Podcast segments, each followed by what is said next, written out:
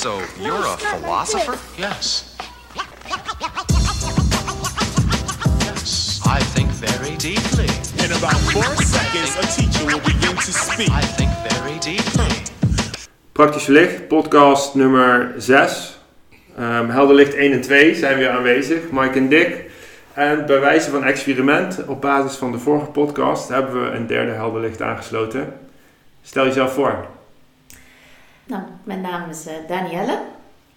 Ik ben eh, in het dagelijks leven bezig met eh life coaching. En dat doe ik onder de vleugels van Vitex. En verder vind ik het leuk om bij deze podcast uitgenodigd te zijn. Dus ik laat me verrassen. Heb je er zin in? Ik heb er heel veel zin in. Ik ben benieuwd waar, waar we het over gaan hebben. Ben je nerveus? Eh, ik voel nu lichtjes een klein beetje spanning op. Dus interessant. Net was het totaal niet aanwezig. En ineens, eh, omdat we on-air zijn. We zijn on air. We hebben, eh, we hebben bordjes hier in de studio met on air. En eh, zodra die aangaan, dan komen de zenuwen bij onze gasten over het algemeen. Want Mike en ik, die, eh, het is een soort inquisitie wat we over het algemeen doen met onze gasten. We- Die zagen je helemaal door. Toch? Mhm. In tweeën. Stukjes, hè? Stukjes. Nee, het valt hartstikke mee. Wij, ehm, we hebben in een vorige podcast hebben we mensen beloofd om het over windmolens te gaan hebben. Ehm, en dat kwam voort uit Mike's politieervaring. Want jij liep daar tegen windmolens aan. Zullen we daar, zullen we daar eens mee beginnen? Dan hebben we een mooie, eh, mooie toon voor deze, voor deze aflevering. Windmolens. Dat. Ja, ik zei volgens mij, eh, is dat hetzelfde als hoge bomen? Ja, het inderdaad. Hoge bomen vangen, vangen veel wind. Want ik ken die, die de metafoor van een windmolen eigenlijk nog niet. Maar. En grappig, je zegt, ik liep daar tegen veel windmolens aan, maar voor mij was ik, was ik de windmolen. Ik was Ja. zelf. Precies, het, was tweeledig, want de organisatie, daar, daar stonden allerlei luchtkastelen waar jij tegen aan het vechten was. Ja. Ehm, maar dat maakte jou ook een hoge boom die daar veel wind ving. ja.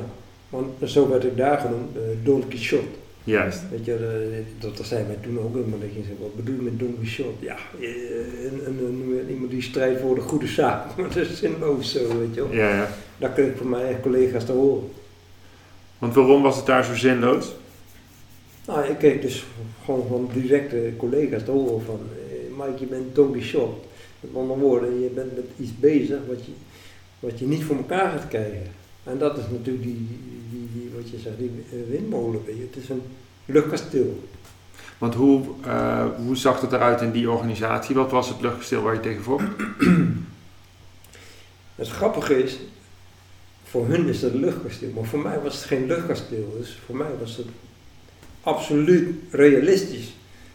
Iets wat waar, eh, was geen gebakken lucht, zo en, eh, maar iets wat wel degelijk gerealiseerd kan worden. Waarom? Omdat ik sprak uit ervaring, en dan gaan we even terug naar de term eh, experiment. Of experiment ja, e- wat, wat is experience of experimenteren is ervaring opdoen. Dus ik, ik stond daar als een ervaren man. Met tien jaar, eh, nou ja, dat verhaal commando's, luchtmobiel en tien jaar ervaring in mijn lijf zitten over hoe je eh, karma yoga zeg, moet gaan beoefenen in de praktijk. En dan ook nog eens vertaald naar een overheidsorganisatie, eh, agent.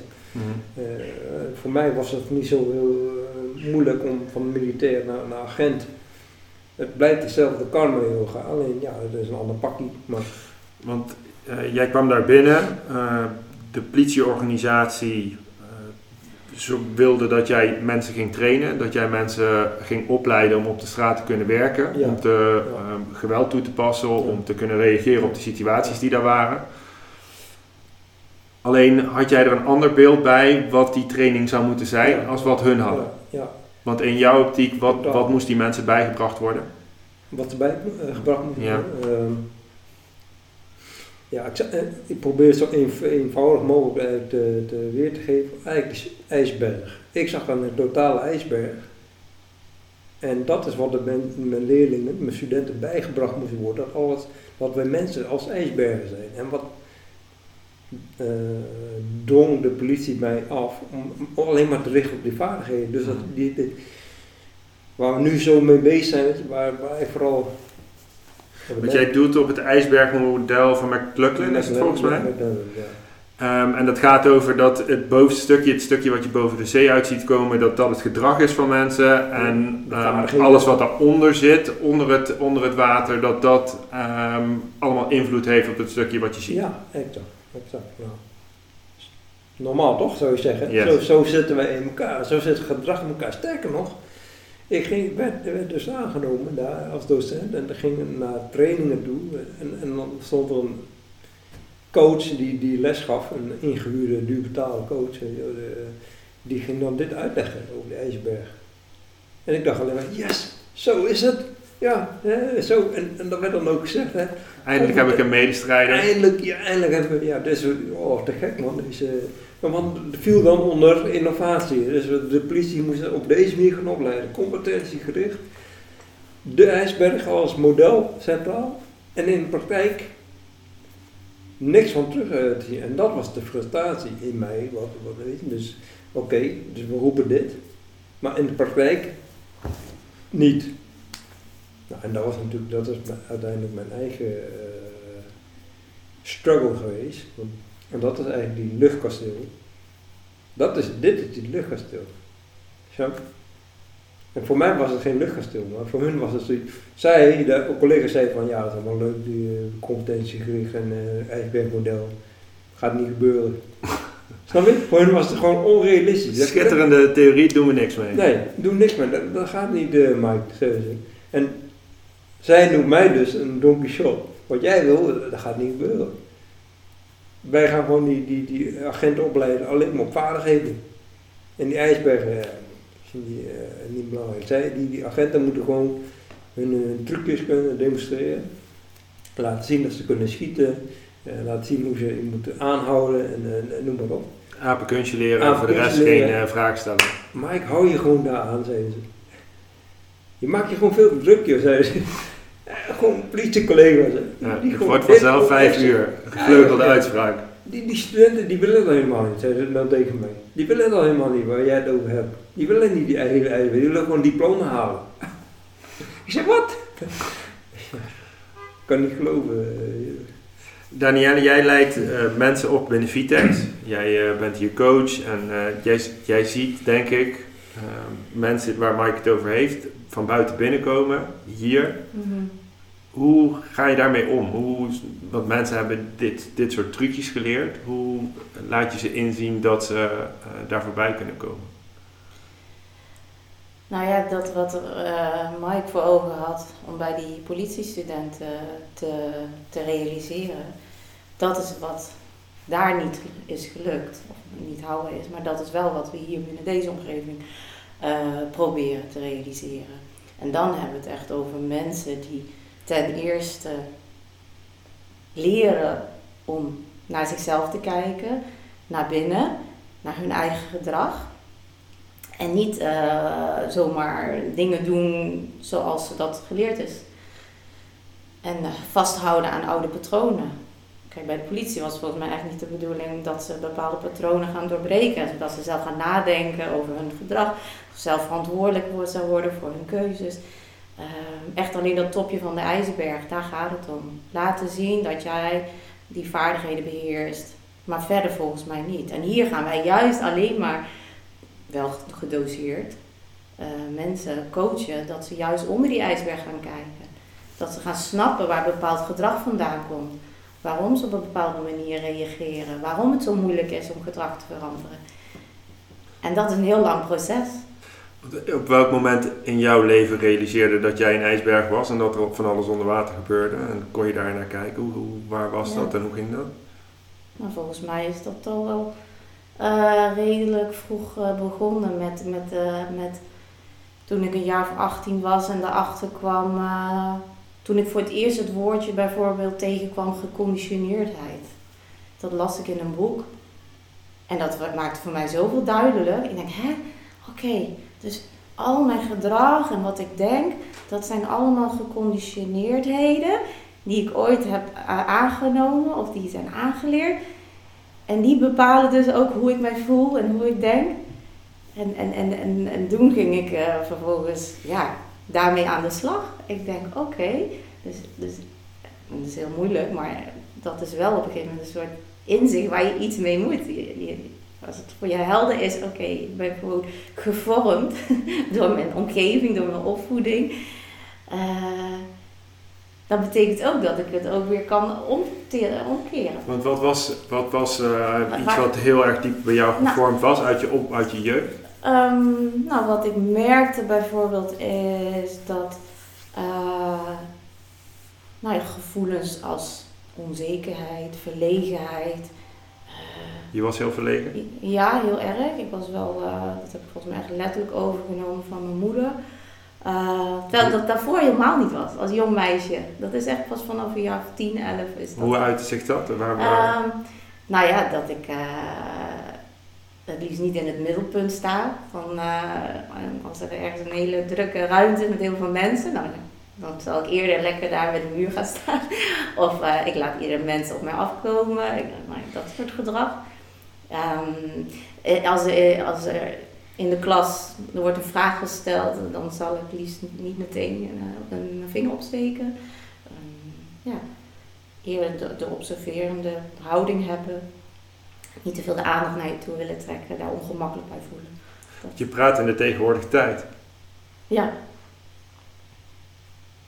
Daar ongemakkelijk bij voelen. Ja, Is, is, is dat nog steeds iets wat Oh, je... ja je- het, zal, het zal er nog wel in zitten, maar ik heb er wel beter mee leren omgaan. Ja. ja. Dat- hoe, dus dat eh, ik er niet meer zoveel last van heb als vroeger. Ja.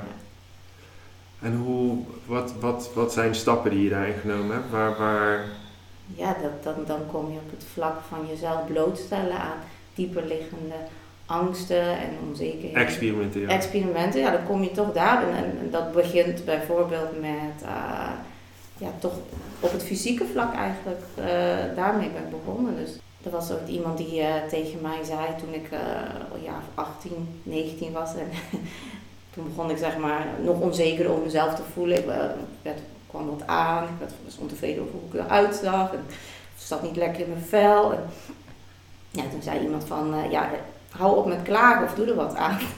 nou, die kwam binnen. En toen ben ik, ik denk, ja, oké, dat is wel, eh, dat is waar. Dus ik, ik, toen ben ik gaan eh, sporten, gaan fitnessen, gaan hardlopen, lange afstandswandeling gaan doen, vierdaagse, dodenmars, ehm, marathons gaan lopen. En, en, en, en dat zijn wel experimenten geweest waarbij ik zelf kon ervaren van, oh ja, het, het zit echt in je hoofd, iets niet kunnen. Het, het is, of iets spannend vinden.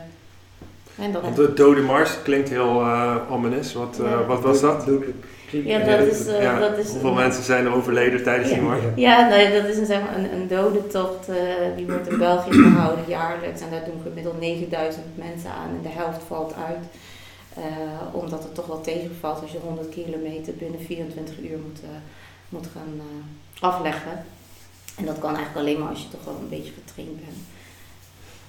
En dat heb jij gedaan. Dat heb ik ooit een keer gedaan. Ik kan, dat zou nu niet meer kunnen, maar ik heb het wel gedaan. 110 toch? 110. Ja, 110 is weer de Z tot Z toch. Dat was nog 10 kilometer, dat is de langste toch. Maar ik, wat ik alleen maar wil aangeven is, als je voor iets traint, doelgericht, dan, dan kan je dus heel veel. En, Wat, kwam je jezelf daar tegen? Tijdens zo'n tocht? eh, vaak genoeg, ja. Ja. Ja, In welke vorm? ja, nou ja, dat je wel gedachten eh, hebt en momenten van waarom doe ik dit, waarom ben ik hier aan begonnen. Het is totaal niet leuk. Maar aan de andere kant eh, heb je wel steeds beter door hoe je dat kan omzetten. En dat je weet van nee, je, je gaat het gewoon afleggen, je kan het. En, en dan, eh, dat is zeg maar die, die, eh, die mindset die, je die je van tevoren al hebt. Dat ga je gewoon doen. Want die mindset die ontwikkel je. Die mindset ontwikkel je door heel veel te doen, veel te oefenen. Ja. En, dan, en dat, dat geldt voor fysieke, maar dat geldt ook voor allerlei andere mentale uitdagingen. Eh, dit, dit is echt op het fysieke vlak. Eh, maar dat kan natuurlijk met alles zijn. Uiteindelijk, waar ik al vroeger achter kwam, is als je een dieper liggende angst wil overwinnen, dan zul je, daarmee, dan zul je daar, jezelf daarmee moeten confronteren. Dat betekent niet van dat je al je angsten en onzekerheden moet aanpakken, maar, maar wel waar je misschien heel veel last van hebt. Bijvoorbeeld op het, op het relationele gebied. Als jij een relatie hebt en je bent heel, je denkt dat je heel gelukkig bent, Maar er is een dieper liggende angst van wat gebeurt als die persoon verliest. Of als er wat met die persoon gebeurt. En dat kan ook bijvoorbeeld eh, met je, als je je ouders hebt. Wat gebeurt er als, als je ouders wegvallen, plotseling? Of hoe ga je daar dan mee om? Ja. Ben je dan helemaal uitgeschakeld? Of kan je dat oefenen en trainen en voorbereiden dat als iets gebeurt, iets heftigs, dat je, dat je kan terugvallen op een st- stukje relativering, eh, incasseringsvermogen. Dat betekent niet van het, het onderdrukken van alle emoties, nee, juist ten volle ondergaan, maar wel weer eh, ja, de positiviteit van alles inzien, hoe zwaar een crisis ook is. En dan pakken we heel even de theorie erbij, Ja. ondanks dat het praktisch verlicht is. Ehm, het omgaan met tegenslagen en het voorbereiden op tegenslag. Welke, eh, welke leraar denk je dan aan en waar, waar, waar kunnen we dan op terugpakken bijvoorbeeld? Mm, ja, specifieke leraar. Ja, eigenlijk alle leraren hebben het natuurlijk over dit. Eh, want ik, ik hoorde u net praten en toen dacht ik denk aan eh, eh, experimenten, maar er is ook nog eens zoiets als gedachte-experimenten. Mhm. Dus, eh, dus ik hoor je net vertellen over je ouders, hoe ga je daar dan mee om? Nou, toen dacht ik in mijn hoofd, ja, moet je dan je ouders doden of zo? En dan, en dan ga je dat eh, ervaren. Tuurlijk niet, weet je, maar je kan wel gedachte-experimenten doen. Dus het idee toelaten van, oké, als, als dat zeg maar plaatsvindt, hoe dan? Hoe ga ik er dan mee om? Nou, dat is niet, In het boeddhisme zijn er meditaties waar je ehm, je eigen dood voor de geest moet halen. Dus dan moet je jezelf voorstellen dat je in een kist ligt in de grond en dat je lichaam opgegeten wordt door wormen. Doe je op zulke soort dingen? Ja, ja dat is exact wat ik bedoel. Ja, en alle leraren, eh, authentieke leraren, die, die, ja, het ene gebruikt dit ervoor, dat ervoor, maar het gaat altijd over dit natuurlijk. En dat le- leren inzien dat er een cognitieve wereld is. Eh, en dat je daar gedachte-experimenten kunt gaan doen. Want het klinkt heel macaber. Ik denk dat mensen ook heel denken van jezus, daar ga ik me echt niet, eh, daar ga ik me echt niet mee bezighouden. Wat, Ja, wat geeft dat weer? dat, dat is. Ja, ik zie het eigenlijk zoals in de vorige, als een gemis van geen oefening. Dus als je, als je niet eh, opgeleid wordt en begeleid wordt hierin, ja, dan ga je zeggen, oh, eh, dan ga ik geen gedachten toelaten, vervelende, enge gedachten. Maar als je wel doorkrijgt dat het maar gedachten zijn en dat het gedachte-experimenten zijn, en de boeddhistische coach die zegt, jij bent die gedachten niet, Oh, oh, oh oké. Laat maar eens toe dan, die gedachte. Laat een bepaalde gedachte gewoon toe. En je zult merken, je gaat nergens heen hoor. Maar er gebeurt wel van alles in je lijf. Nou, nou, zo'n coach, dat is wat we nodig hebben. Iemand die, die, die jou eh, eh, laat ervaren dat het oké is om gedachte-experimenten. Dat dat niet hetzelfde is als het uitvoeren van gedachten. Dan kunnen we het over een heleboel gedachten hebben. Want mensen die Ja. onderdrukken een heleboel gedachten, zeg maar. Ehm, zijn bang om die niet uit te spreken, want er komt van alles, van allerlei eh, funky shit in je op natuurlijk, dagdagelijks. Mm. Maar daar, daar, willen we, daar hebben we het eigenlijk nooit over, of daar zijn we niet mee bezig. Ehm, Precies, ja, dat is het probleem. We zijn helemaal niet bezig. We doen te weinig. ja. We erkennen het ook niet naar elkaar toe, zeg maar. Nee. We dachten, dit moet ik echt tegen niemand vertellen, want dan denken ze dat ik gek ben. Ja, precies. Ja. En zo leren, we- dan komen we weer terug op het onderscheidingswoord, dan leren we dus niet onderscheiden. Denken en doen, dat, twee, dat zijn er totaal verschillend. Je kan van alles denken, dat is niet hetzelfde als, als het ook doen.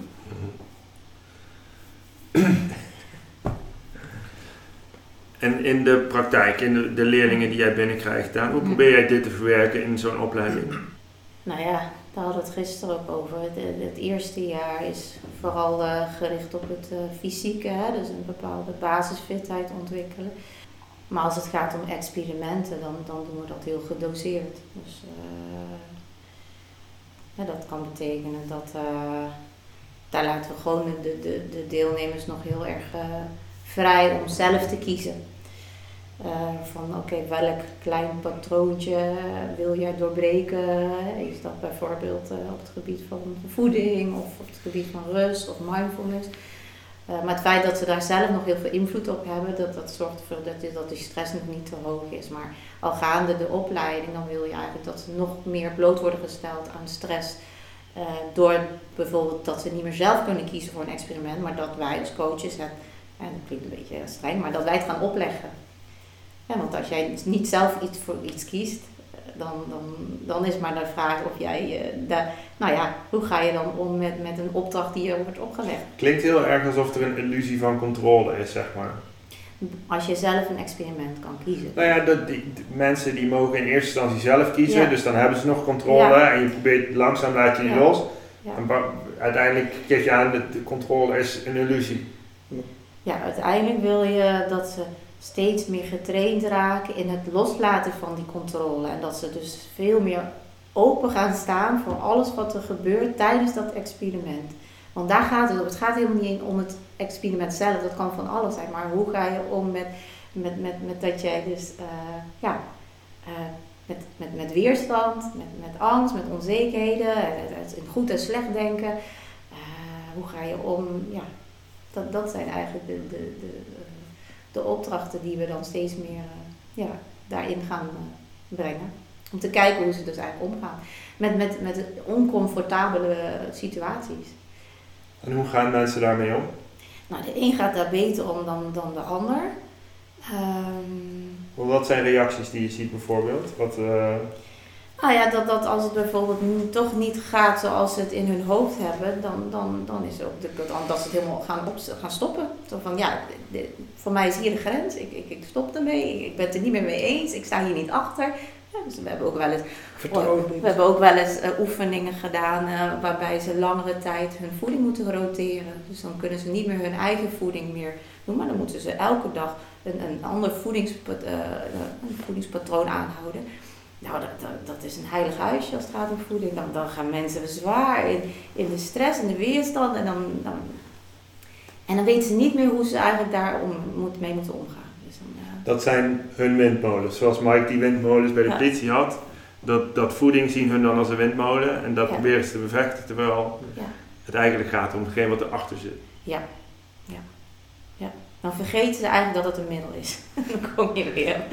Want dan gaan ze het eens als een doel zien. En dat, en, en dat is onze taak om, om hen daar bewust van te maken. Want je kan het gewoon niet fout of, Ja. eh, of slecht. Of goed doen. Eigenlijk wat jij zegt. Dus wat je zegt heel mooi, eh, een beetje vanuit een boeddhistische uitspraak. Dat controle een illusie is. Ja, dat, dat, dat weten wij als coach. en op- Dat, wij weten wel dat het een illusie is.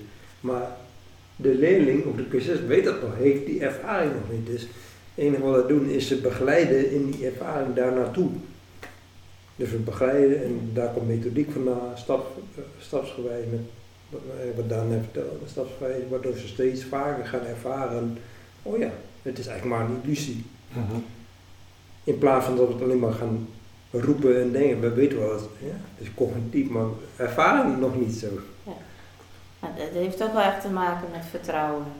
Want hoe belangrijk is veiligheid daarin? Het, het creëren van een veilige omgeving? Het allerbelangrijkste. Dus als, als, als die veiligheid er niet is en ze hebben niet helemaal het vertrouwen in dat de coaches eigenlijk weten hoe het proces verloopt, dan zullen ze op een gegeven moment gaan blokkeren. Dan, denken ze, dan gaan ze weer terugvallen op eh, dat ze het zelf eigenlijk wel beter weten. Ja, dan gaan ze hun eigen plannetje trekken. dat is wat er gebeurt. Ja, eh, weerstand, eh, met mensen die haken af en Ja. eh, die hebben weer een negatieve ervaring Ja. met zoiets. Dan gaan ze zoeken naar een excuus om het niet te doen. Ja. En dat kan van alles zijn. En dat gebeurt vaak in het onderbewuste. Dan gaan ze, of ze, ja, dat klinkt heel, eh, maar, maar een blessure krijgen, dat, dat lijkt vaak van, ja, daar kan je niks aan doen. Maar dat, dat gebeurt soms op het onderbewuste niveau. Dan hebben ze een legale reden om niet meer met iets door te gaan. Dat is interessant hè. Is heel interessant. Ik zat ook van de week naar een programma te kijken en dat ging dan over eh American voetbalbands. En er waren dan allemaal jongens uit van die achterstandswijken en die gingen dan American voetbal bij zo'n universiteit doen. Er zit een heel stuk zelfsabotage in. Ja. Dus die mensen die, eh, ehm, die gaan dan bij iemand anders op de kamer, ging een van die gasten ging die dan wat eten jatten, zodat hij eruit gegooid werd, zeg maar. Dat hij gewoon terug kon naar die omgeving waar hij wel, Ja. Omdat hij, omdat hij met zichzelf geconfronteerd werd. Ja. En dat zijn wel extreme voorbeelden, maar dat zijn dan wel eh, mensen die gewoon niet meer naar zichzelf willen kijken, zeg maar. Nee. En, en daar heeft iedereen een bepaald punt in. En dat, dat het op een gegeven moment too much wordt. Oncomfortabel. Ja, en, onze, en dat is echt maatwerk. Van oké, wie ga je echt naar dat punt brengen en wie moet je echt al eerder, oké, eh, even.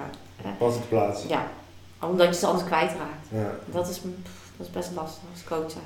dat kan ik me voorstellen. Ja. Want als die stress net iets te hoog aanhoudt en dan voor het gevoel dat ze gaan stemmen, ze gaan zwemmen en dan zitten ze in die, in die stress, in die paniekzone, hè, je kent het wel, die Ja. buitenste cirkel. En dan eh, kan je ze kwijtraken. Het is de art van opleiden. Ja, maar ja, schitterend proces.